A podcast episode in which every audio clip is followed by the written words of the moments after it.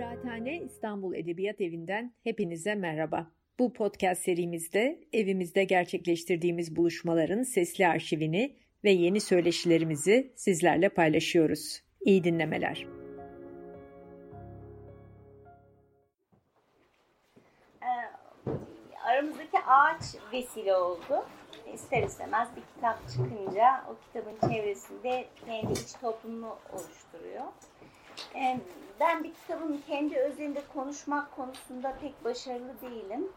Çünkü kitaptan söz edince kitabın süreci, yazma süreci hep kendinizden söz ediyorsunuz. O kısmı da e, sıkıcı oluyor. İnsan konuşurken kendinden sıkılıyor. E, sözcükler çürümeye başlıyor. O yüzden biraz daha düşüncelerden gidersek edebiyat konuşmuş oluruz. E, edebiyat konuşmak ne demek? E, bunu her seferinde düşünmeye devam ediyorum. Yani edebiyat edebiyatçı olmak nedir diye ve e, hep edebiyatın e, şeyle ilişkilendirirler ya e, kökensel olarak edeple e,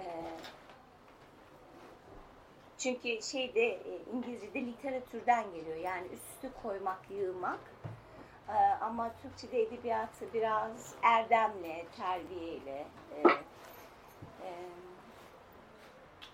bir e, dünyadaki bütün görü, dünyayı dönüştürme vesilesi olarak şey yapıyor, ilişkilendiriyor Türkçe ve ben bununla bağdaşıyorum ruhsal olarak. Yazı yazma eyleminde aslında hem kendimi hem de dünyayı dönüştürme arzumun bir parçası olarak niteliyorum. E, elinizdeki kitap bir kurmaca metin değil. E, ben kurmaca dışı yazı yazmanın buyurun. E, kurmaca dışı yazı yazmakla ilgili ilk ya ilk zamanlarda bir şeyim vardı. Benim için çok zor bir şeydi yani. Deneme yazmak, makale yazmak vesaire. Ama sonra yıllar geçtikçe gördüm ki 21 yıl içerisinde 300 tane yazı oluşmuş. Ve bu 300 tane yazının içerisinden benim e, hem yakın dostum olan e, hem de kitaplarımı yurt dışına da anlaşmalarını sağlayan yani edebiyat ajanı diyeceğimiz ama aslında bildiğimiz anlamda profesyonel ajan değil de sadece beraber çalıştığımız yakın arkadaşım Yeşim, Yeşim Vesper bu 300 yazının içerisinden e, tematik e, bütünlüğü olan bir şey çıkardı. Yani bir derleme çıkardı. Aramızdaki ağaç aslında yıllar içinde yapılmış bir metin. Ben bu metinleri okurken e, o yazar kişiye tabii dışarıdan baktım. Çünkü insan ister istemez e, yabancılaşıyor. Sonra hatırlatın bu yabancılaşma üzerine bir şeyler söyleyeceğim. E, gördüm ki e, çok şükür yani çok şükür ki e, neyi dert ettiysem o derdi hiç bırakmamışım. Yani dertlerimle uzlaşmamışım. Dertlerimle, meselelerimle e, çatışmayı, e, direnmeyi, e, dünyayı oralardan direnmeyi bırakmamışım. Bir kere bu kitap beni e, dışarıdan gelen, tepeden inen bir metin olarak memnun etti bu anlamda. Çünkü insan yazdığını unutuyor ama bir koleksiyon olarak karşınıza çıkınca büyümekte olan, yetişmekte olan bir kadınla da karşılaştım. Ve saptadığım bazı izlekler var. Bu izleklerin en başındaki şeylerden biri merhamet. Ee, merhamet ve özgürlük meselesi. Biz tabii özgür bireyler falan değiliz. Özgürlük kelimesi e, iz bırakan bir kelime. Yapıp etmelerimize iz bırakıyor. E, iz bıraktığı için özgürlük meselesiyle uğraşıyoruz aslında. Yani sinir bilimde, e, içinde bulunduğumuz siyasal zeminde, sosyo-kültürel hayatımızda ve şu kurduğumuz berbat uygarlıkta e, bize özgürlüğü sadece teklif ediyor. E, ve biz özgürlük konusunda e, garip bir e, bu Descartes'tan beri ayrılmışız ya beden ve ruh olarak, insan ve hayvan olarak tin ve e, can olarak ayrılmışız. Ve bu ayrılıkla özgürlüğün hepsini yabana atıyoruz. Yani kendi yerini dolduran canlının özgürlüğüne duyduğumuz büyük e, hasetle ya da imrenmeyle özgürlüğü tanımlıyoruz. E, bir de özgürlükten sonra bir de öz meselesi var. Hepimiz bir özümüzün olmasını da istiyoruz. Çünkü bize e, tek tanrılı dinler ve içinde bulunduğumuz e, e, kutsallar bütünü işte e, bilimle Newton'la anlaşan kilise ondan sonra e, aydınlanma aydınlanıyoruz ama aramızda yani. Aramızda aydınlanıyoruz diğerleriyle eşit değiliz. Biz kendimiz aramızda e, eşitiz diyen bize hep özümüz bir özümüz olduğunu söylüyor. E, özümüz varsa e, bu dünyadaki tükenişimiz de o özün bir kefareti olarak e, şey yapacak, karşımıza çıkacak her seferinde. Çünkü hiç, hiç erişilemeyen, hiç öbürüne veremeyeceğimiz o özle e, biz bir belirsizlikler yumağı içerisinde yaşıyoruz. Böylece de edebiyatı da ikiye bölüyoruz kategorik olarak. Praksis ve poesis diye. Yani yapıp etmelerin insanı ama amacı olan, gayesi olan politik insan bir de güzel sözler söyleyen poezi işte güzel söz sanatı şeyden geliyor, Yunanca'dan geliyor. Praksisi de e, felsefesinde kullanan bir sürü işte Adorno'dan, işte Sartre'dan, ondan sonra Horkheimer'den bir sürü bir sürü filozof praksisi yeniden yeniden tanımlıyor. Bizi gene ikiye bölüyorlar. Ama bu kitapta e, ben inanmıyorum buna. Böyle de yaşamak istemiyorum ve buna ben de şey yapıyorum. E, içsel bir direncim var. Poezi ve praksis benim bir özüm yok. Öz falan yok. Ben bütün yapım etmelerimin ta kendisiyim. Benim de yok. Hiç kimsenin yok. Hiçbirimizin özü. Bir ağacın da özü yok. Herhangi bir şeyin de özü yok. E, hepsi kendi var olma işte biraz sırtımızı Spinoza'ya yaslarsak kendi arzusunda ısrar eden canlı olarak e, bir büyük bütünün e, e, sonlu parçası.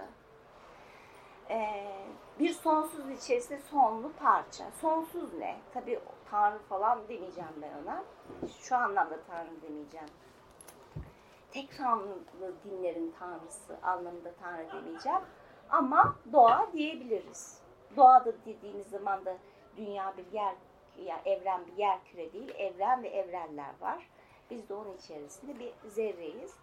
Dolayısıyla o büyük bütünü içerisinde yapıp etmelerle yol alan ve özü olmayan ama arzusunun sürekli canlı kılan bir varlık olarak yazıyorum ben.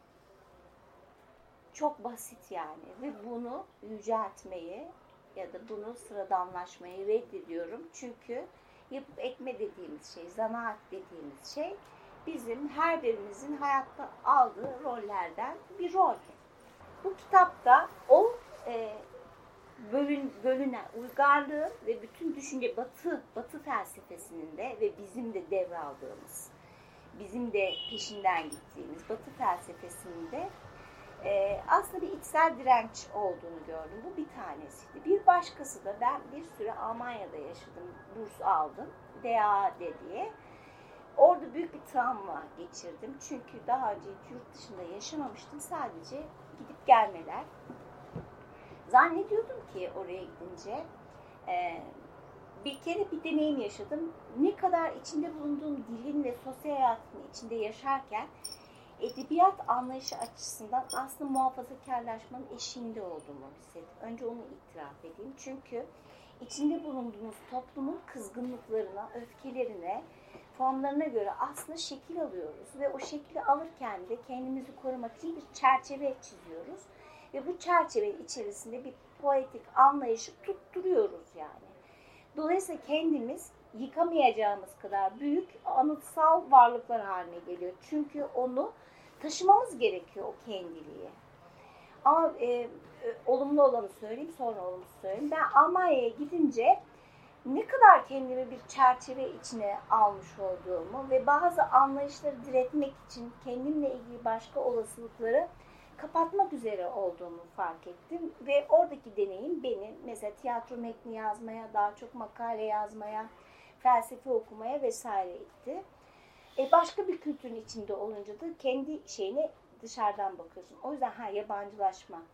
O yüzden yabancılaşma denilen şeyin çok e, boşa ve kötüye kullanılan bir kelime olduğunu fark ettim. İnsanın yabancılaşması çok gündelik bir şey. Her şeye her an yabancılaşabilirsin. Aldığın nefese yabancılaşırsın. Ama yadırgama, tiksinme ve e, e, yer yer öfke duymanın kendisinin aslında bir yaratıcı olanak olduğunu da gör, gördüm. Çünkü öfkenizi sağaltmaya çalışıyorsunuz bu topraklarda ve sağaltmaya çalıştıkça etrafına dolanıyorsunuz. Ama dışarıya çıkınca her türlü kırgınlığım, her türlü hesabım, e, bazı politik düşüncelerim benim içimden geçti. Yani yurt dışına gitmek aslında zihinsel olarak nesnelleşmeme yardımcı oldu. Bu iyi olan kısmıydı. Fakat kötü olan kısmı şuydu. Nereye gidersen gideyim herkes Hazreti Muhammed'den konuşmak istiyor. Herkes Kur'an'dan konuşmak istiyor. Kimse benim dinimi, inançlarımı ya da inançsızlığımı sorgulamıyor. Ee, işte bir İslam ülkesinde kadın olmak nasıl bir şey gibi son derece oryantalist, sıkıcı, sizin kafanızı tartışmasını bitirdiğiniz meseleleri bakın benim ne kadar hijyenik bir demokrasi var ama senin yok. O halde zaten biz de seni misafir ediyoruz. Sen ne kadar canın yakınmak istiyorsa biz seni dinlemeye hazırız diye kendini benim üzerinden tanımlamak isteyen bir entelektüel çevre. Herkes birbiriyle Walter Benjamin konuşuyor. Ben de Kur'an-ı Kerim konuşuyorum. yani bu ve ben o zamana kadar sadece Kur'an-ı Kerim benim için metindi ve metindi yani sırtımı dayayacağım, bakacağım e, nasıl İncil'i, nasıl Tevrat okuyorsam bu sefer ben bu kutsal metinleri yanıt vermek için okumak metinleri ben o e, yanıt verme ihtiyacında hissettim kendimi. Tecrübesizlik. Tecrübe, bu bir tecrübesizlikti. Mesela şöyle, e, Sema Kargısız şimdi bize e, Simbad'ın halılarından vesaire falan böyle sunumlar yapıyor. Bizde Simbad yok, öyle bir halı yok vesaire gibi cümleler kurmak durumunda kaldım. 2010 yılında şey yapıyorum. Şimdi en son Çin'e gittiğimde de benzer bir soruyla karşılaştım. Nasıl bir şey bir kadın olarak e, bir İslam ülkesinde yaşamak diye. Fakat bunu e, söylemem lazım okur sormuyor. Bunu moderatör, ideolog olan soruyor. Yani okur daha naif bir varlık ve sizinle kurduğu ilişki daha eşit ve daha merak dolu. Çünkü konuştuğumuz konular e, dünyalı insanlar, evrensel kelimesinden hoşlanmıyorum. E çünkü evren deyince o da bir merkez oluşturuyoruz aslında. Bir evren merkezi oluşturuyoruz. Böyle bir iç sıkıntısı yaşadım ve bu bende bir gerilik duygusu yarattı. Üstelik de paniğe kapıldım. E, dedim ki böyle herkes, herkesin olduğu benim de ihtiraslarım vardı. E, ben de edebiyatımı Almanca'da açıklayabileceğimi, İngilizce'de açıklayacağımı falan zannediyordum. E, açıklayamadım. Açıklayamadım ve açıklayamadığım için de bunları yazdım. Yani bunlar aslında o sıra, o toplantılardaki sıkışmışlıklarıma bir yanıtı ve onları Frankfurt Rundschild'da ne bileyim Almanya'nın önemli gazetelerinde yanıtladım, e, şey yaptım, e, yayınladım. E, bu da vesile oldu. Ama bunları düşünüyor ve tartışıyor olmak bende bir gerileme duygusu yarattı. Aslında bir Türkiye'lik duygusu. İçinde bulunduğumuz şeyde de öyle değil mi? Yani bir seçim var, seçim oluyor ama 36 gündür konuşuluyor. Bitmiyor yani. Bitmeyen bir e, tekrarın içer içerisindeyiz. Ve Türkiye denilen şeyin sırtında nasıl bir yük olduğunu fark ettim. Türkiye bir mevhum, bir imaj, bir, bir yekün ve e, gelen her yazar e, Türkiye'yi sanki temsil etmesi gerekiyor ya da Aleviliği temsil etmesi gerekiyor ya da kadınlığı temsil etmesi gerekiyor. Oysa benim edebiyattaki dersim dersin lapsus yaptım güzel. E, meselem, edebiyattaki meselem e, temsiliyetlerin kendisini yıkmak zaten. Çünkü e, temsiliyet demek insan merkezciliğin zaten bir uzantısı değil mi? İşte ben böyle varoluş sancıları, insan merkezcilik, işte e, karşı bir e, bir lecture, bir konuşma hazırlıyorum. Konu sürekli dönüyor, dolaşıyor ve güncel akti, aktüel ve bence biraz bayağı e, üstün körü şeylere geliyor. Bu yazılarla ona direndim. Yani bu kitapta okuduğunuzda o direnci görebilirsiniz. Merhamet meselesi ve öteki yani bir bizim ötekimiz olarak doğa. E, doğanın bizim ötekimiz olmadığını, bizim tam da doğada varlık olduğumuzu, Adorno diyor ya insan sadece insandır. Yani düşünen, e, sezen vesaire değil. İnsan sadece insandır. Hatta bunu başka bir filozof e, kimdi? E, Leibniz yanlış bunu söylemeyeyim şimdi yanlış bir şey söylemek istemiyorum. Başka bir filozof barbarlık bu diyor yani. İnsan sadece insandır barbar. Evet yani barbarı e, belki de baştan başlatmamız gerekiyor. E, belki de bir yere girdiğimizde barbar olmamız gerekiyor. E, anne ben barbar mıyım şeyini o yüzden ben çok sevmiştim. Çok da etkilenmiştim. E, Deleuze söylüyordu galiba e, sanatçı bir toplumun içine giren, o toplumun kendi barbarıdır diye e, bir şeyi var. Mealen söylüyorum kelimesi kelimesine değil. E, sonra ben dedim işte bu fırsat yani aslında benim burada böyle uygar orta sınıf küçük burjuva e, bir kadın olarak değil de Almanya'daki varlığım bir barbar olarak tanımlarsam ben dedim zihinsel olarak ve psikolojik olarak yırtarım. Şimdi psikolojik olarak çok diyeceğim. Çünkü kendi üzerine düşünmeyen öteki üzerine düşünemez. Dolayısıyla ben kendimden söz ederken kendimden değil, e, insandan söz ediyorum. Herhalde burada e, anlaşıyoruzdur. Yani herhalde tanışıyoruz da o kitaplar vasıtasıyla. E, ve bu kitap aslında benim e, bir yıllık o zorlu e, Almanya Berlin maceramdaki e, kurtarıcı mı oldu bu metinlerin birçoğu? E, bir de tabii e, bir tane bir metin var onu çok seviyorum. Ejderhanın Cinneti diye. En sevdiğim metin o. E, bu yaş içinden geçtiğimiz insanların söylemeye dilinin varmadığı ama bir ton olarak mecburen söylemek zorunda olduğumuz İslamofaşizm dediğimiz e, faşiz, faşizm meselesiyle sessiz kalmak, hiçbir şey hiçbir şey yapamamak e, çok yıpratmıştı ve o, o metne kendi hiçbir kimse benden bir şey yazmamı istemedi ve 3-4 ay uğraştım çoban çoban nedir diye. Bugün de baktım Arınç hepimiz çobanız, e, sürülerimiz falan var gibi bir şey söylüyor. Ben o çobanı aylarımı verdim çobanı anlamak için. T antik Yunan'a dayanıyor ve aslında bırakın ortaçağ o yeryüzüne İsa inmemişken e, tiranlar tiran deniyor mu Yunanca'da? Tiran var değil mi Yunanca'da? Tiranlar toplumunu zaten sürü olarak niteliyor ve Platon metinlerinde de iyi bir e, yöneticinin iyi bir çoban olması gerektiğine dair. Bugün Arınç söylüyor bunu yani hala sürülerimiz ve ben e, içinde bulunduğumuz İslamofaşizmin tonunda aslında yönetici sınıfının çoban olarak e, tarif edildiğini kendi kendime buldum ve o yazıyla da kurtuldum. O yazıyla da çağıma bir yanıt vermek zorunda kaldım. Geldik çağ meselesine. Ee, hep zannediyoruz ki biz yazarlara, ben de öyle yapıyordum, büyük anlamlar ve şahsiyetler, özneler olarak bakıyoruz yazarlara. Bunlar birer, hatta şeyin bir metni vardı, dizisi vardı, onu hatırlayayım. Göktaşı olarak nitelilen Walt Whitman, onun kadar güzel söyleyemeyeceğim şimdi. Yani yeryüzünden otan, ıı, biten bir ot gibi değil de gökten düşen bir taş gibi niteler şairi. E, tabii şair demek güzel söz yani poezi demek.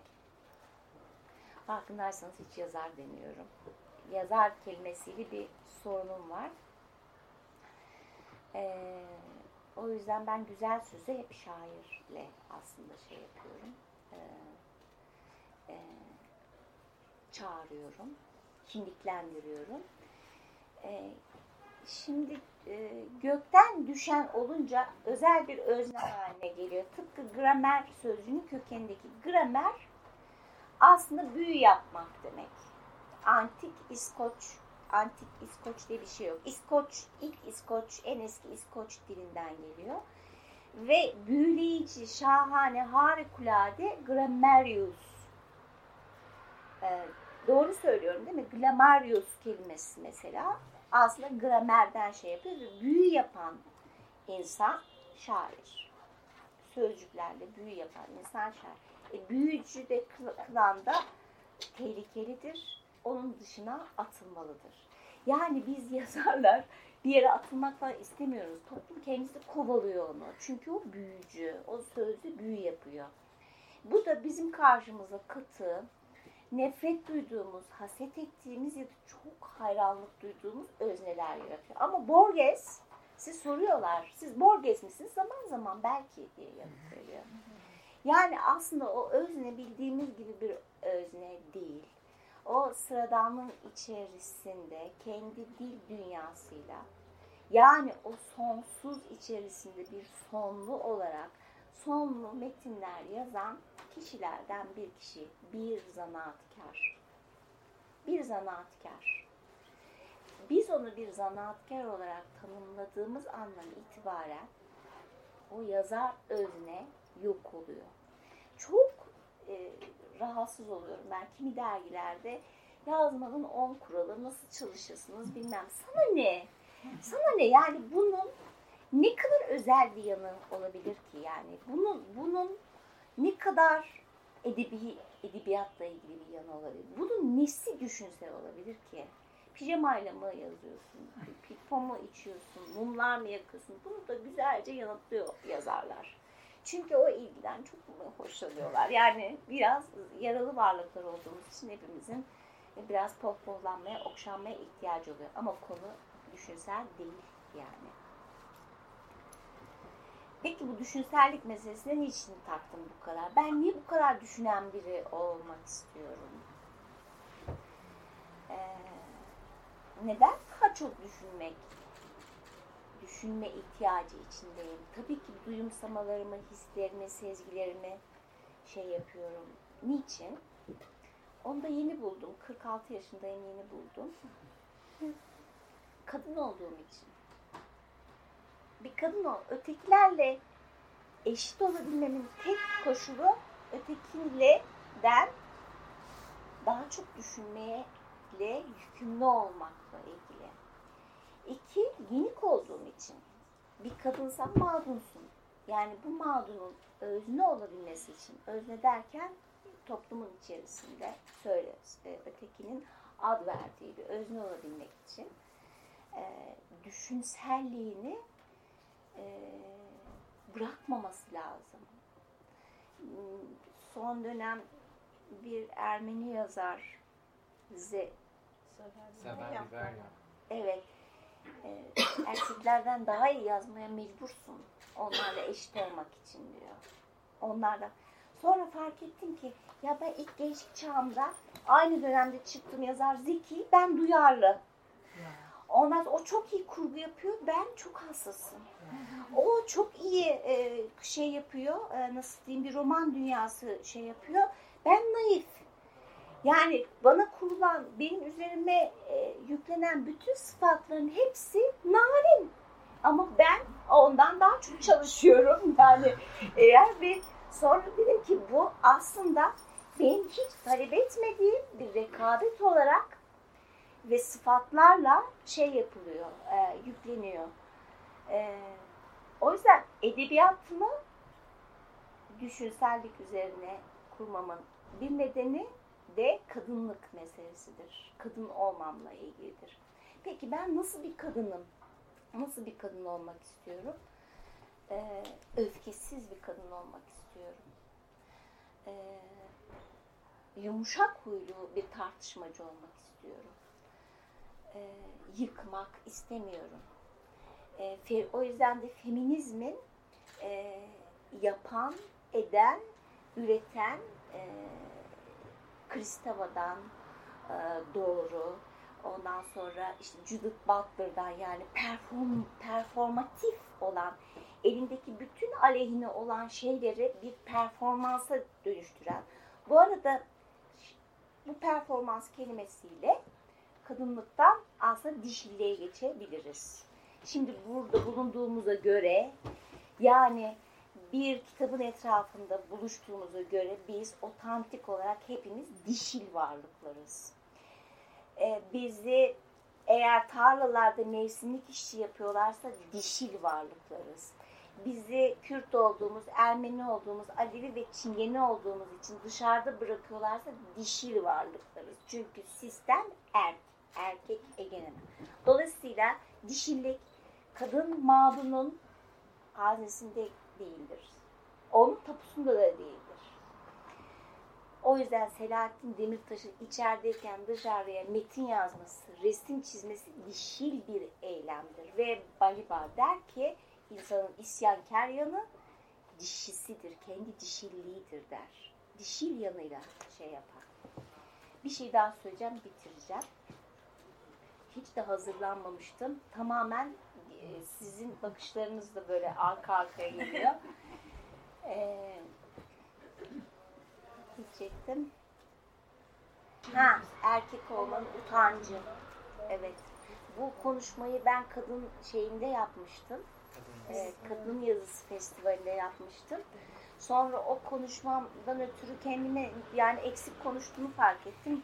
Ama hayat bize imkanlar veriyor. Onu burada tamamlayacağım. Deleuze diyor ki işte şairin bir dişilliğine geleceğim. Bana göre okur da dişil bir varlık bu anlamda. Yani dişil derken aslında anlaştık mı dişil meselesinde? Yani hormonal, biyolojik bir varlıktan değil. Bir tür üretkenlik, ruhsal eğilim ve e, hayata bakma yönü olarak dişilikten söz ediyor. Fakat tabii ki bu dişilliği salt kadınsı bir şey haline getirsek yeni bir evlilik üretiriz. Çünkü bir şey homojen olarak sırf dişil olduğunda da e, karşımıza şoför nebatler falan çıkar. Yani e, oradaki aşırı kadınsılığın kendisi de aslında maskülen ve maçist e, bir şeydir. E, e, nasıl diyeyim bir koyuluktur. Koyu olan her şey aslında erkek egemene hizmet eder. Ona verilen bir yanıt olarak. Dolayısıyla bu dişil bütün e, çünkü mas, e, maskülenite e, maskülenite öyle bir şey ki şu dağın arkasında ne var diye soruyor. Yani olumlu yanlardan bakarsak. E, bu derenin içindeki taşla e, şu dağın başındaki taşın arasındaki fark nedir diye soruyor maskülen şey. Ama bunun böyle çalışması için e, dişil bir yardım alması gerekiyor. Dolayısıyla bu aslında uzak doğu felsefesinden gelen yin yang e, bana göre e, çok işlevsel bir felsefe. Bir de sağ olsun bu batılılar bütün şeyden Çin felsefesinden etkilenmişler. Freud'dan mesela hiçbiri adını almıyor. E, hiçbiri şey demiyor yani e, gönderme yapmıyor. Onu batılılaştırarak, sekülerize ederek e, bir, bir açıyla çöpe dönüştürüyor. E, artık, artığa dönüştürüyor. E,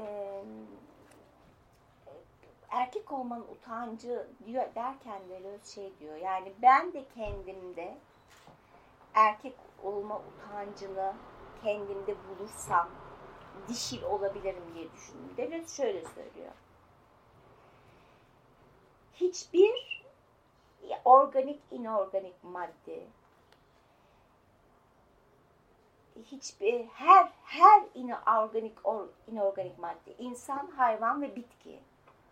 Ay pardon kadın, hayvan ve bitkinin yeni bir dili doğal olarak kendi yeni dili vardır diyor Deleuze. Doğal olarak çünkü doğal olarak mağdur. Ama erkek bir dilin içerisinde kaybolur.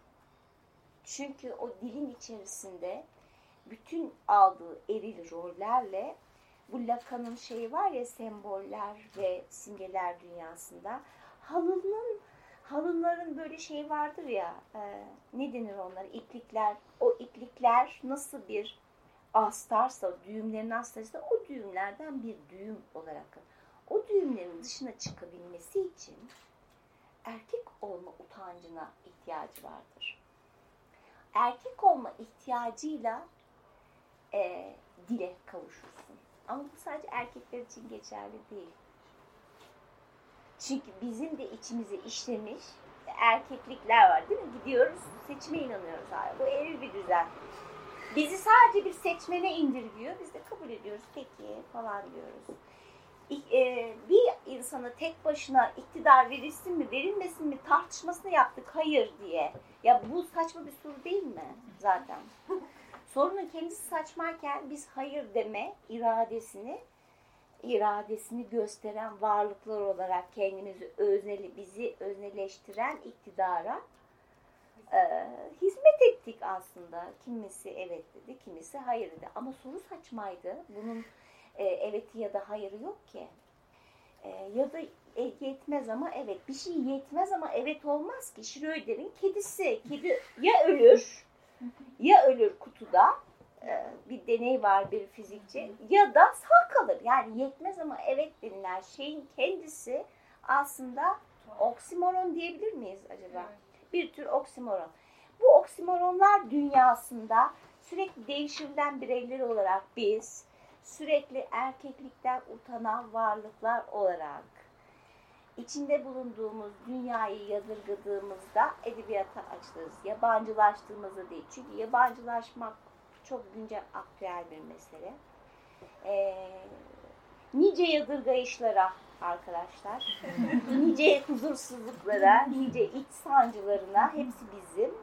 Hepsi bize yeni insan, yeni insan nedir sorusu sorduruyor. Ee, bağdaşan insan değil, uzlaşan insan değil, muhalif insan da değil. Ee, bunların hepsini iktidar belirliyor. Ee, kurumlaşmış feminizmde değil, kurumlaşmış sosyalizmde değil, kurumlaşmış akademide değil. Bunların hepsi iktidara yönelik şey. Ne zaman ki e, kendi içinde bir yenilik çıkartıyor, altını oyuyor, onu yıkıyor. Ondan sonra bir yeni insan fikri çıkartıyor. Edebiyatta yeni insanla ilgili meraklarla dolu, sorgulayan bir şeydir. Bunu soran yazarlara, sorabilen yazarlara ne mutlu özgür olmadığını bilen yazarlara ne mutlu. Bir özü olmadığını bilen insanlara ne mutlu. E, çünkü o zaman savaş değil, direnç alanının ne kadar geniş ve imkanlı olduğunu görüyoruz. Ben inseller cehenneminden gelen biriyim. Melankolik yani kara duygun bir kişiliğim ama kötümser biri değilim. Ee, bu bunun da izini bu metinde de gördüm. E, aramızda eğer bir ud varsa e, biz onu parçalarına ayırıp ağaca geri dönüp baştan başlayabiliriz. Teşekkür ederim benim Şimdi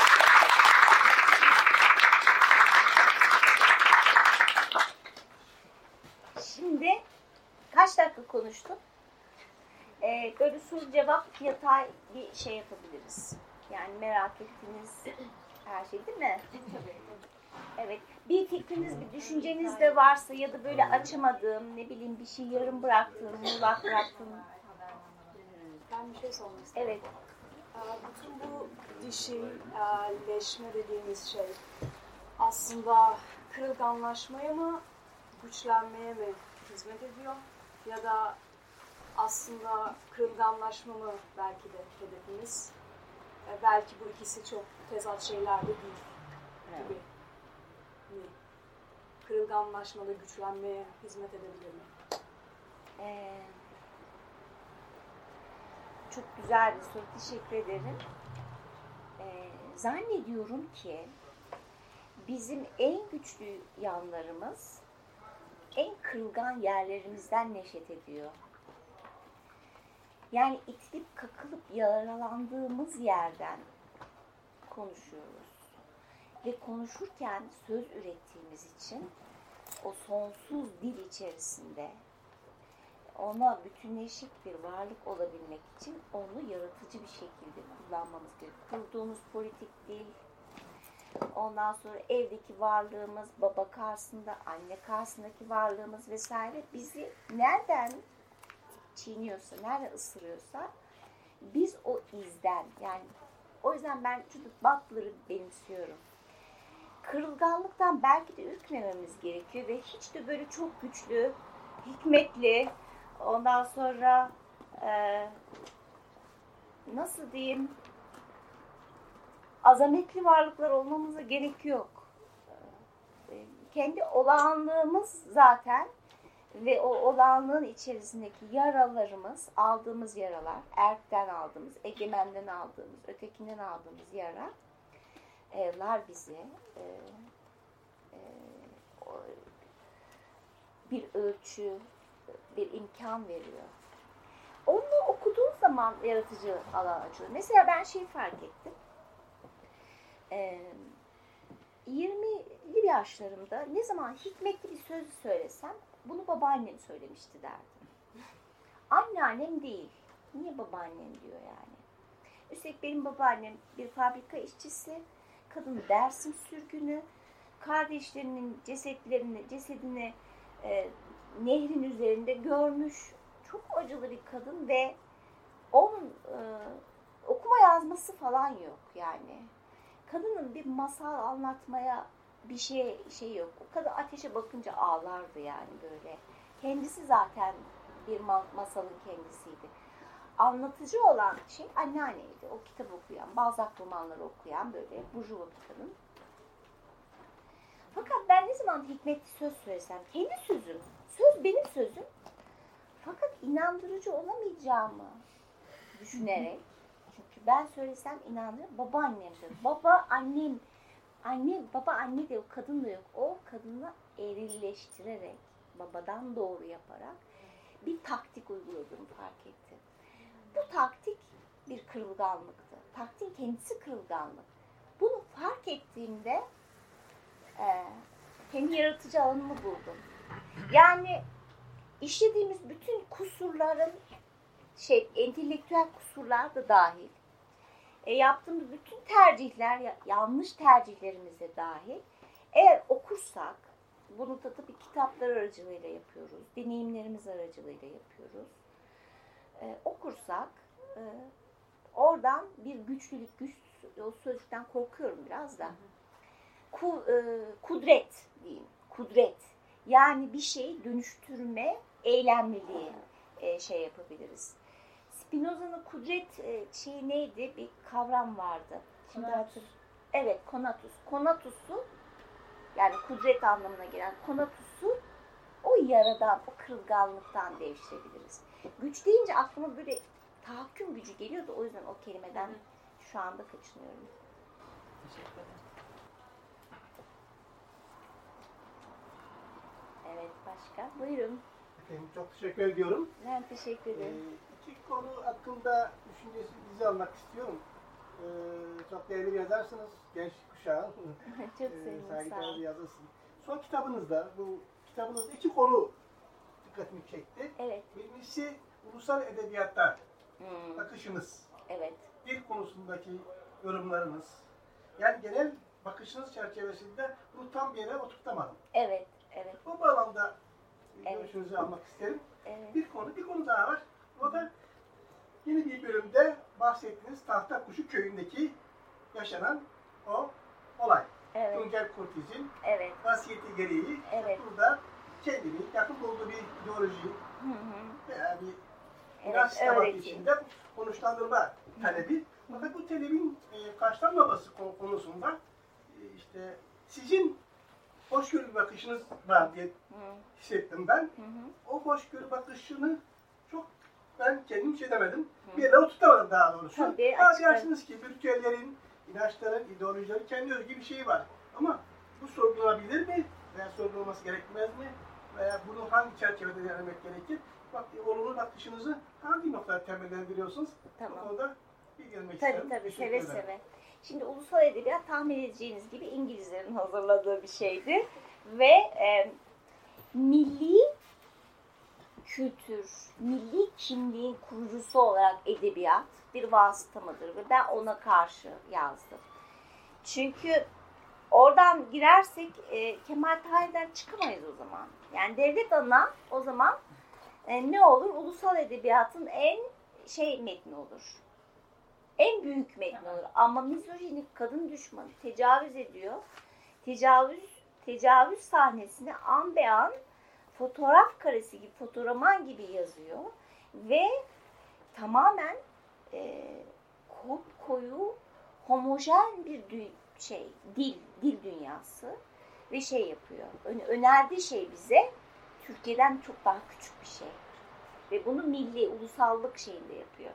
O yüzden ulusal edebiyat denilen şeyin kendisinin kapitalizmin ihtiyaç duyduğu bir şey ulusallık. İhtiyaç ulusal bir, bir varlığı ulus olarak tarif ettiğinde onunla e, hem sömürge ilişkisini hem tüketici ilişkisini daha kontrol edilebilir hale geliyor. Edebiyatı da onun içine koymaya çalışıyor. Yani Türk ulusunun edebiyatı olarak benim Türkçem ulusçu bir Türkçe değil ki. Reddediyorum. Değil. Kurduğum hiçbir söz dizimi, yan yana koyduğum hiçbir şey ulusal bir mantıkta kurulu. Onun içinde Kürtçe e, imajinasyon var. Onun içinde benim Yunan atalarımdan getirdiğim şiir var. Kelimenin kendisi olmasa bile tahayyülü var, tasavvuru var, rengi var. Onun içerisinde İran var, onun içinde Mezopotamya var. Ben bütün varlığımı bir coğrafyaya yaymışım Akdeniz'e. Bana diyor ki ulusal edebiyat. O yüzden de ben o metinde ulusal edebiyatın edebiyatla ilgili olmadığını ancak bir çerçeve olduğunu, bir çerçeve olarak da sadece birinin diğerini adlandırmasını kolaylaştıracak bir manivela olduğunu, bir rabıta olarak kullanışlı bir nesneye dönüştürülebileceğini söylemek istedim. Ve buna sonuna kadar itiraz ettim. Onlar da hoşlanmadı. Yani bir şeyin, bir halkın kendi milli kültürü, kendi ulusal şey olabilir. Evet ama ulusu nasıl tanımlıyorsun? Bir de adının ulus olması şart mı? Çünkü ulus deyince değil mi Fransız ulusu, İngiliz ulusu, İskoç ulusu. E, o zaman konu Anglo-Sakson dünyasa neden ulus diye birbirlerinden ayrılıyorlar? Çünkü sömürge ve kapitalizmle ayrılıyorlar sınırlarında. Ondan ikinci sorunuza gelince e, Tuncel Kurtiz oraya gömülmek istediğini söyledi. E, Aleviler de reddetti. Bir topluluğun hayır deme hakkı vardır. Hayır deyince tahta kuş, tahta kuşlar köyünde Yobaz Aleviler de birdenbire Aleviler hakkında, o köy halkı hakkında bir e, e, karalama mı diyeyim böyle saçma sapan yobaz olmak kolay mı? Yobaz demek ne demek yani? Yobazın bir de bu topraklarda yobazın e, eylemliliğini biliyoruz biz. Yobaz eline taş alan, ateş alan varlıktı. Ya yobaz olmak kolay mı? Nasıl ki e, e, ya yani yobaz yobazlık demek öyle böyle bir şey değil. Yobazlıkla suçlandı. Sonra ben merak ettim bunu Alevi'den nasıl kolayca istenebiliyor ve hayıra neden tahammül yok? Ay, orada benim konum öbürünü reddetmesi değildi. Bana göre hayır deme hakkı var. Her topluluğun. Ee, Büyük İskender e, tapınağa gidiyor. İskender'in anası biliyorsunuz sen yarı tanrısın diye bunu şey yapıyor yani. Yarı tanrı oğlum benim canım oğlum yarı tanrım sana bir şey olmayacak. Sen dünyayı fethedeceksin diye gazlıyor. Ve yarı tanrılığını şey yapmak için e, tapınağın ismini unuttum. Tapınağa gidiyor. O tapınaktan çıkınca bir Yahudi e, tapınağı görüyor. Tapınağın ismini unuttum ya. Çok ünlü bir tapınak aile başlıyor hatırlayacağım Artemis biraz. Mi? Yok değil Artemis değil. Ee, Apollo. Apollon tapınağı. Ee, Apollon tapınağından çıktıktan sonra Yahudilerin tapınağına giriyor. Beni de alın diyor. Hayır diyor. Bizim Tanrımız bize. Tanrı bize geldi. Konunun seninle alakası yok. Ve e, şey reddediliyor. Ve o zaman e, bir imparatorun kızgınlığını duyuyor şey. E, İskender.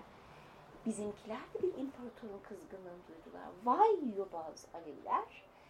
Tuncel Kurtiz gibi büyük bir oyuncu e, buna gönül indirmiş tırnak içinde. O mezarlığa gömülmek istemiş. Sizce bu işte bir imparatorun serzenişidir. Bir egemenin serzenişidir.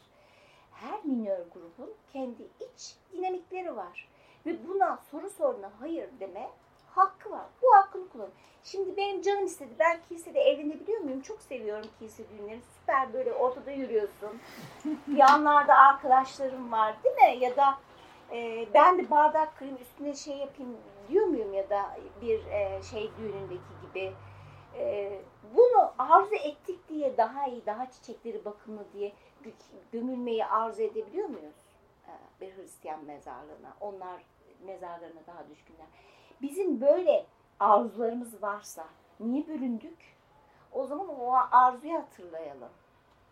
O zaman bileşik gerçekten seküler olma arzusunu. Mesela bütün dersindeki gibi herkesin gömüldüğü, herkesin gömüldüğü tek mezar yeri orada. Ee, şeyinde, Süryanisinde, Ezidinde, Kürdünde, Hristiyanında, Ermenisinde gömüldüğü tek. Burada var mı öyle bir mezar? Öyle bir mezarlık yok ama Alevilerin mezarlığında gömülmek istiyorum. Bu arzunun bir minör grubun kendi iç öğretisinden daha büyük addedilmesini imparatorun serzenişi olarak hissettiğim için ama bu kadar sert yazmadım. Siz nasıl böyle bir şey istersiniz demedim. Ee, öyle bir yazı yazdım. Onun ismi de Ezili Yabancı. Alevi'de o şey metnin ismi okumayanlar için söyleyeyim. Yanıt verebildim mi size? Evet, çok teşekkür ederim. Tamam. Çok sağ olun. Buyurun. Siz kişilikten bahsettiniz. Ben de şunu düşünüyorum. Toplumda erkek kadın birbirini hemen hemen atıyor. Yani bizim toplumumuzda bir erkeği ne zaman tanıyoruz? Belki doğru birisi olarak evlendiğim zaman ki o da e, tanımlama yetmiyor. Yani bir anda kendini evli kişide buluyorsunuz. Bu hususta ne düşünüyorsunuz? Tanımak. Yani kadın kişisi birbirini tanıması hakkında. Şimdi çok spekülatif bir şey söyleyeceğim. Sizi bilmiyorum tatmin edebilir mi? Bence tanımak imkansız. Biz ötekinin bize yaşattığı deneyimle kendimizi tanıyoruz aslında. Eğer tanımıyorsak o zaman yani eril ve dişil sen de söylenebilir miyiz? O zaman yani tanımak diye bir şey yoksa. Şimdi erkekler ve kadınlar önce kişilerden e, ve o kişilerin hayattaki de, bi- bize yaşattığı deneyimlerden ama eril ve dişi kelim, dişil kelimesini seçmemin nedeni bunların aslında birer düşünsel kavram oluşları, bir kavram olarak ele alıyoruz.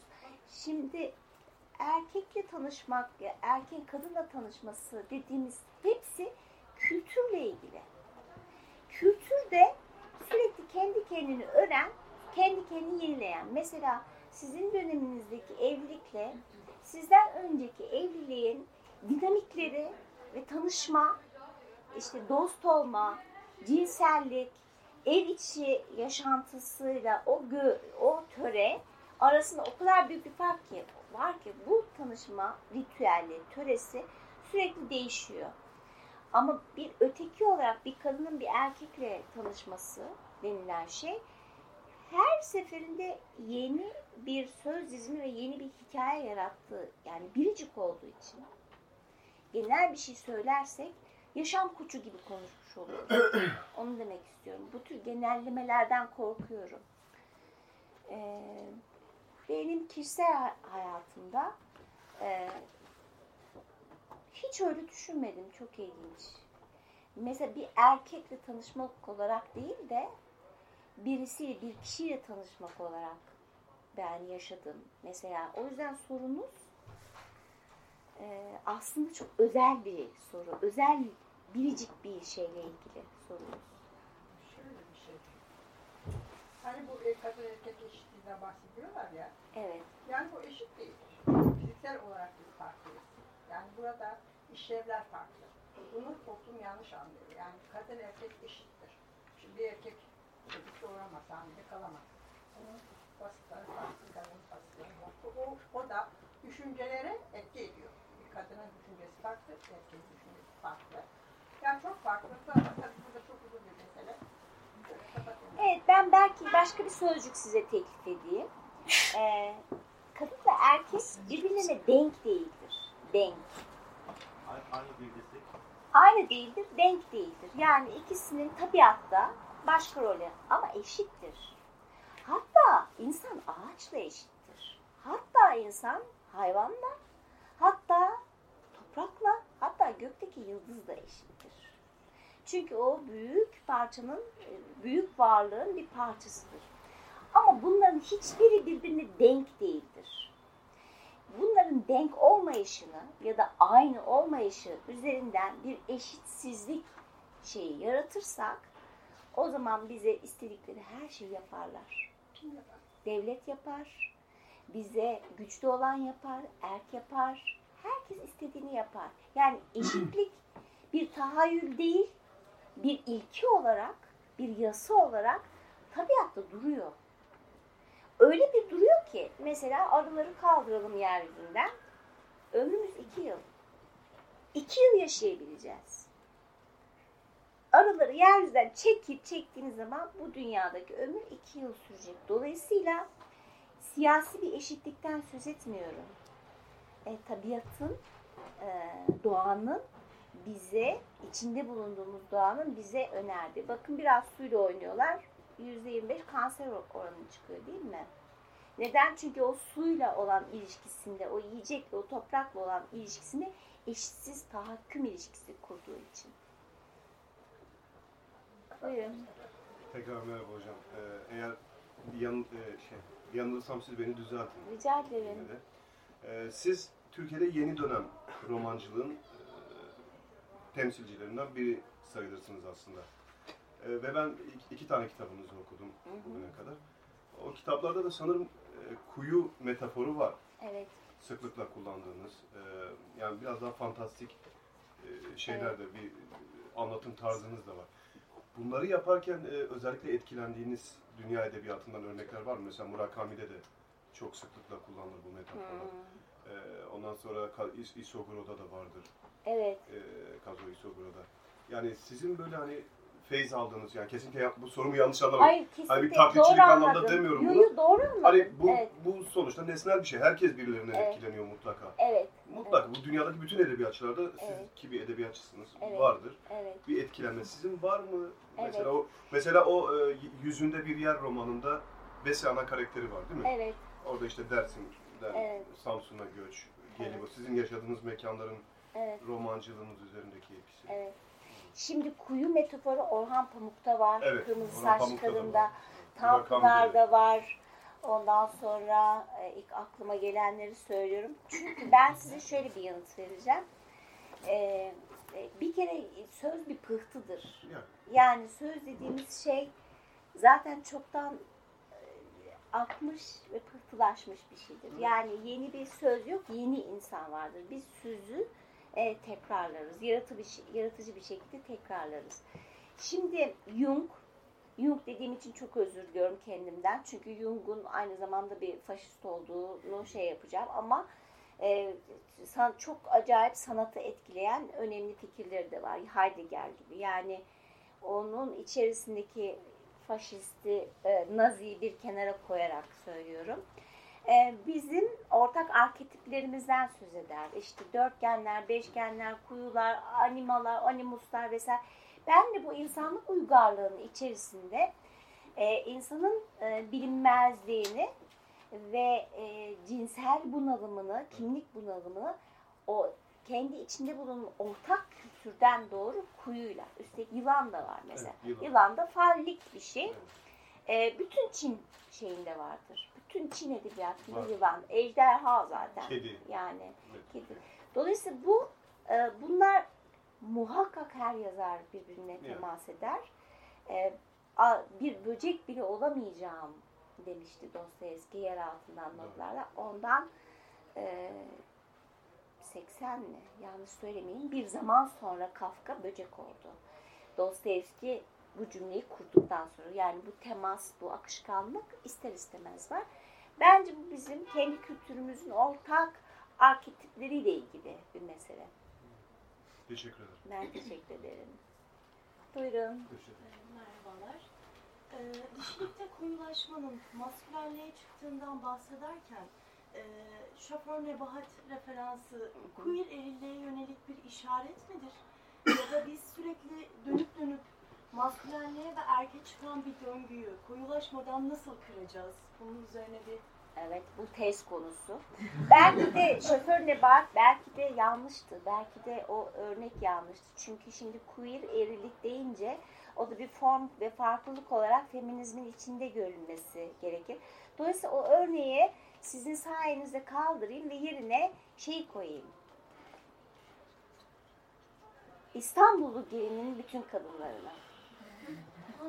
Herkes bayılıyor değil mi o diziye? Herkes bayılıyor. Ben dört bölüm izledim. Herkes yavrulamaya mecbur. Aile mevhumu aşırı derecede yüceltiliyor. Ve ne ne bitiyor? Uzlaşma ailenin içine girdikten sonra. E bu aile şiddetin temeli. Kurbanı o veriyor. Kahraman yaratıyor. Ondan sonra bir tane eşcinsel birey var mıydı? Bir tane kadın ben doğurmak istemiyorum dedi mi? Demedi. Yani izleyenlere sordum dememiş. Ondan sonra oradaki Esma işte bir e, koyu bir kadınlık hali ve bir eril şey. Oldu mu bu örnek? İki bölüm izleyin. İki bölüm böyle izleyince Allah'ım yani her bir çocuk e, bütün kadınlar erkeklere akıl veriyor. Böyle onarıyor. Ha biz böylece kadınların çok duyarlı ve akıllı varlıklar olduğunu söylüyoruz. Böylece toplumdaki kadınlara uygulanan şiddette kalkacak. Bize pedagojik bir şey söyle servis ediliyor. Ve ürettikleri şey aslında bir yeniden üretim yani. Yeniden bir maske. Oradaki kadınların hepsi kayıp yani. E, kadın kemanist ke- keman çalıyor, öğretmen olmak zorunda kaldı. O aslında bir kemancıydı. Yani öğretmen ol olabilecek en kullanışlı form haline getiriyor. En pedagojik form haline getiriyor. İşte bu koyulaşan kadınlığa bir örnek olabilir. Ama bunu şu anda şey yaptım. Şimdi sizin sorunuz benim yanıtımdan daha büyük. Bunu biraz daha düşünmemiz lazım hep beraber. Teşekkür ederim. Başka soru olsa ben bir soru daha Tabii tabii. Ee, e, Almanya'daki e, durumla e, nasıl diyeyim deal etmek için e, bir barbar oldum ve rahatladım. Hı. Ee, onların da aslında hani onlar deyince de çok hemen e, saf almış gibi oldu ama e, aslında o e, moderatörün de görmek istediği biraz ona yakın bir şey değil mi? Yani sorun biraz oradan da gelmiyor mu? Ben de uzun süre Viyana'da kaldım. Hep bu problemi yaşadım her zaman işte Türkiye, İslam ülkesi. Hayır İslam ülkesi değil işte vesaire. Sonra diyorum ki aslında aynı zamanda böyle bir sorun tabii ki var. Hani onu da sadece bir avukatlığını üstte, üstlenerek Evet. onu da yapmak istemiyorsun ama aynı zamanda ona da razı gelmek istemiyorsun. Hani o çok ortada karmaşık ve komplike bir durum. Evet. O barbarlık buna nasıl çözüm oldu biraz aslında dinlemek Benim istiyorum. kendi içsel dünyamda. Orada bir çözüm olmadı. orada bir çözüm olmadı. Yani orada ne yapıyorsun? Bir tür şey tartışmasına giriyorsun aslında. Ee, nasıl diyeyim? Bir tür e, aktüel bir tartışmanın içinde buluyorsun. Bir şey çözmüyorsun. Sana bir şey söylediği zaman ben işte en son Çin'e gittiğimde e, ki, bir Japon'a ben böyle bir soru sormayı cesaret edemem. Siz niye bana soruyorsunuz dedim. Çünkü Japonya'da biliyorsunuz enteresan bir ülke. Çok sert bir erkek egemen sistem var. Evet. Galiba kadınlar ancak sekreter mi ne olabiliyor öyle bir durum. Ve orada bildiğim kadarıyla yanlış biliyorsanız düzeltin. Feminizm yok. Ve Batılılar diyorlar ki nasıl feminizm, feminist hareket yok. Bunu mesela Batılı iyiliksevercilik olarak e, eleştiri eleştiri geliyor. Çünkü kendi toplumsal örüntüsü içinde az önceki ailelik meselesinde örüntüsü içerisinde e, bizim sırrına eremediğimiz dünya batıya benzemek zorunda mı ayrıca? Yani en doğru orası mı? Sırrını be- bilmediğimiz henüz nasıl direnç alanları olduğunu bilmediğimiz bir ülke var. Bilmiyoruz o bir sır. Benim derdim e, e, onları şunu hatırlatma ya- ama yemedi yani şey olmadı. E, sırları kabul edin. Yani her şeyi bilemezsiniz. Evet. Her şeyi bu kadar derinden bilmenin e, şeyinde iç- egemence bir aslında kuşatma şeyi olduğunu hep böyle soyut yere saparak e, şey yaptım. E, bilme, bilme kardeşimce o kadar istiyorsan gel. Bir zaman geçir, içinde eri, arkadaşların olsun. Ondan sonra sen kendi kararını kendin ver ya da oku edebiyatına bak dünya kadar metin var. Ama edebiyatı bile aslında biraz e, şey e, farklı bir yerden bakıyorlar. Mesela bir kitapçıda görmüştüm ve çok ilgimi çekmişti. Şey diyordu işte Oliver Twist okuruz ve fakir bir çocuğun sokakta gezinmesini e, hissederiz. Orhan Pamuk oku- okuruz ve bir Türk nasıl hisseder diye şey yaparız. Ben de böyle yani orada mesela ulussuz işte şeysiz bir çocuğu hissedebiliyorsun hani Charles Dickens'ta. Orhan Pamuk'ta neden Türk olmak zorundasın? Evet, Hani evet. o, o bence çok işte kategorik bir durum var yani Evet. orada. Ama işte Evet. yurt dışında satmak zorunda hisseden birçok yazar Ozoka'ya geliyor tabii yani. Sadece yazar değil yani sistem Yani öyle kuruluyor. Evet. Karşılıklı bir ilişki oluyor. Bir dans karşılıklı tango yapılıyor. O tangoya kalkmazsan sen kendi dansını yapıyorsun. Barbar dansını yapıyorsun. Çeviri yoluyla izah etmek çok zor. Ama bir zihniyet var. Zihniyetin içinde yani bir zihni, zih- zihniyet çatışması çıkıyor orada. Buyurun. Evet. Ha, pardon görmedim. Yok. Ee, şey aslında bu konu benim de düşündüğüm bir şey çünkü benzer şeyleri ben de yaşadım ve şey e, ben mesela içki içen bir insan değilim. İşte Londra'da kaldım şöyle de ya her içki içme işimi Müslüman olmalı falan bağlıyorlardı. E, ve böyle bir tam şeye giriyorsun savunma öyle de değil. Onu çok yaşadım ama e, kitap okurken yani yazılarda şey de düşündüm hani bu sadece yurt dışında olma haliyle ilgili bir şey mi yoksa genel olarak bir toplumun içindeki bir e, azınlık olan grupla olmakla ilişkili bir şey mi? E, Onların Yani- başka başka var. Başka başka. Yani her grubun, her minör gru- grubun sorgulanan, içine kapalı e, bir şey var. Yani bu söylediğimiz tabii ki burada da oluyor zaten. Başka dillerle, başka sorgulama yöntemleriyle yaşıyoruz tabii. Hepimiz yaşıyoruz. Sadece bir kadın olduğun için yani. Bir şey kızınca mesela deniyor ki isteri krizi. Değil. Öfkelendin. Yani isteri kadınların yaşadığı bir şey değil diyorsun mesela. Bunu demek istiyorum. Bu yadırgama. Ama oradaki yadırgama sürekli ve şiddetli olduğu için ben e, bunu bir tema altında şey yaptım. Yoksa Ermeni bir kadın olmak, ne bileyim e, bir soykırımdan kurtulmuş bir birey olmak, mesela sağ kalmış olmakla yaşamak arasındaki fark. E, çok çok farklı. Mesela Ezidileri satın aldılar özgürleştirmek için Kanadalı bir iş adamı. Ben günlerce düşündüm. Satın alınarak özgürleşmek. Şimdi bu damga, bu ruha, ruha yapılan bu damga kaç yıl sürer, kaç kuşakta geçer yani?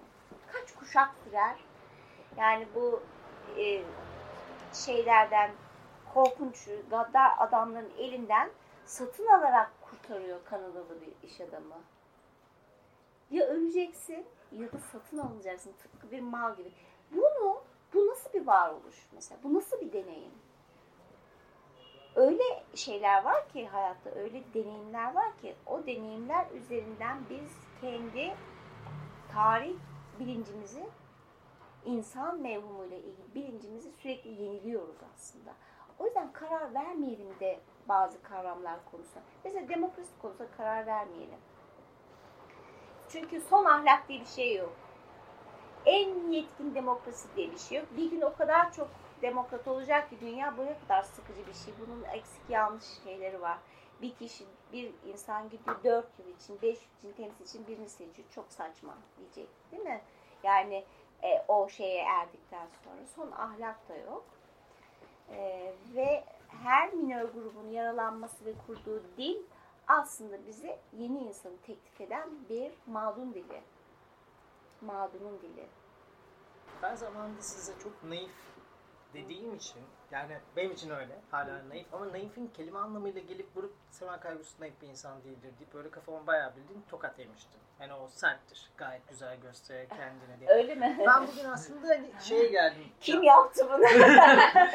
ben genelde e, arkadaşlarımı ve etrafıma Sema Kaygusuz okuturum. Şöyle okuturum. Sema Kaygusuz'a ben tanıştırayım. Mümkün olduğunca ki genelde de ya doyma noktasını veririm ya e, yüzünde bir yeri veririm insana. Doyma noktasının içerisinde tüy ve yaprak zamanlarını okuduğun zaman ne demek istediğimi çok iyi anlayacaksın diye.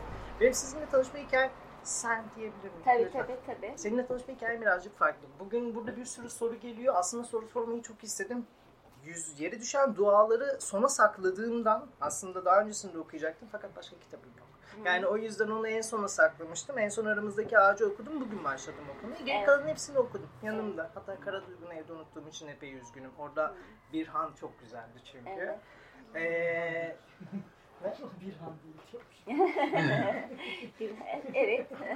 Ve e, daha sonrasında bir er- erkek arkadaşım sayesinde başladım. Evet. Erkek arkadaşım Berlin'deydi ve oradan Sema Kaygısı okuyorum. Muhteşemdi. Kelimelerle oynar ve sana bambaşka bir dünya gösterir diye. Uzun bir süre boyunca pop kültürle cebelleşip en son ben bu adamı tanımıyorum deyip bari tanıyayım adına okumaya başladım yazarlardan birisi. Ve çok güzeldi. Ben yere yok bir yeri okuduğumda kaybedilen şeyleri gördüm. Öyle çok şey sorular sormayacağım. Ben çok bireysel takılıyorum ve bencilsem çok özür dilerim bununla ilgili. Dinliyoruz. Ama orada şey çok güzeldi. Dilenciyi taşlamaya başladığımız zaman aslında bir şeyleri kaybetmeye başladık. Çünkü Hızır'ı taşladık. Attık evden. Ve burada da vardı. Ee, okumayanlar için şey vermek istemiyorum ama babaannemin tanrısı diye geçiyordu. Babaannenin Evet, tanrısı. evet, evet. Bu beni çok etkilemişti. Veya kadının dersinin dersime gittiğinde köy yolundan ben de hani köy hayatı yaşamış bir insanım ve oradan da biliyorum gece belli şeyler olur ve seni aralarına alır katarlar götürürler düşüncesi güzeldir. Anneannemi gördüm orada. Normal toplumda biz bunları görmüyoruz. Göz ardı ediyoruz. Hani yoktur. Cin mi gelecek seni alacak götürecek diye ama oradaki o incelik çok güzeldi. Ve böyle ince olduğunu söylediğim için naif dili naif dediğimde yok o çok serttir aslında çok güzel geliyor bazı yerlerden diye göstermişti. Ben bunun için teşekkür ederim. Ben de teşekkür ederim. Öyle ekstrem bir sorun bilmem ne falan yok çünkü bunlar çok özel şeyler olarak geliyor bana. Ben yazdıklarınızı okuyarak bir yerden bir şey kapmaya çalışıyorum. O yüzden benim için önemli olan da o. Teşekkürler. Ben teşekkür ederim. Çok naziksiniz. Sağ olun. Evet arkadaşlar artık uzatmayalım bence. Bak yavaş yavaş böyle sigara, canı sigara isteyenler isterseniz imzaya geçelim. Bu arada muhakkak sormalıydım dediğiniz bir şey varsa imza sırasında şey yaparız. Olur mu? Ya da var mı? Sorusu olan var mı? İmal ettim. O zaman imzaya geçelim. Teşekkür ederim.